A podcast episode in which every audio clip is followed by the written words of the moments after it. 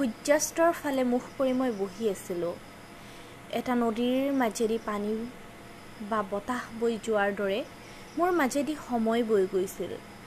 মাজে মাজে মনেৰে একো নভবাকৈ মই মন্ত্ৰৰ দৰে এষাৰ কথা আওৰাই আছিলোঁ। মোৰ মূৰত আছে এটা সূৰ্য আৰু হৃদয়ত আছে এটা ধুমুহা। কথাষাৰ মোৰ নিজৰ উদ্ভাৱনা নহয়। খুব সম্ভৱ কেতিয়াবা ক'ৰবাত পঢ়িছিলোঁ। এতিয়া সি মোৰ স্মৃতিৰ উত্তৰাধিকাৰ।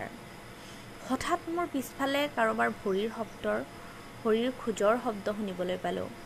ভৰিৰ গছকত শুকান পাত গছপাত মৰমৰাই উঠাৰ দৰে আগন্তুকৰ ভৰিৰ গছকত পিষ্ট হোৱা নীৰৱতাৰ বুকুৰ পৰা এটা বিষণ্ন মৰমৰণি শব্দ হ'ল উঠিল। ঈষৎ বিৰক্তিৰে মই পিছলৈ চাই দেখিলোঁ এজন মানুহ মোৰ গাৰ পৰা কেইহাতমান দূৰত থিয় হৈছেহি। কিন্তু তেওঁৰ মুখখন মই ভালকৈ ধৰিব নোৱাৰিলোঁ। মই ঘূৰি চোৱাৰ মুহূৰ্ততেই সূৰ্যাস্তৰ আটাইখিনি শেষ সোণালী পোহৰ তেওঁৰ মুখৰ ওপৰত আচাৰ খাই পৰিল আৰু সেই সোণালী ৰশ্মিৰ জালে তেওঁৰ মুখখন চিনিব নোৱাৰাকৈ ঢাকি পেলালে। এক মুহূৰ্ত মাত্ৰ। পিছ মুহূৰ্ততে বেলিটো টুপ কৰে ডুব গ'ল। দ্বিতীয়বাৰৰ কাৰণে গধূলিৰ প্ৰথম অন্ধকাৰে তেওঁৰ মুখখন অস্পষ্ট কৰি পেলালে। আপুনি? মই আপোনাক চিনি পোৱা নাই। আপুনি কোন?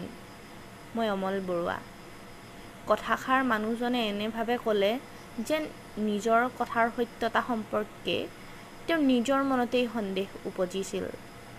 মোৰ ধাৰণা হ'ল যে তেওঁ বৰং ক'ব খুজিছিল মই বোধহয় অমল বৰুৱা।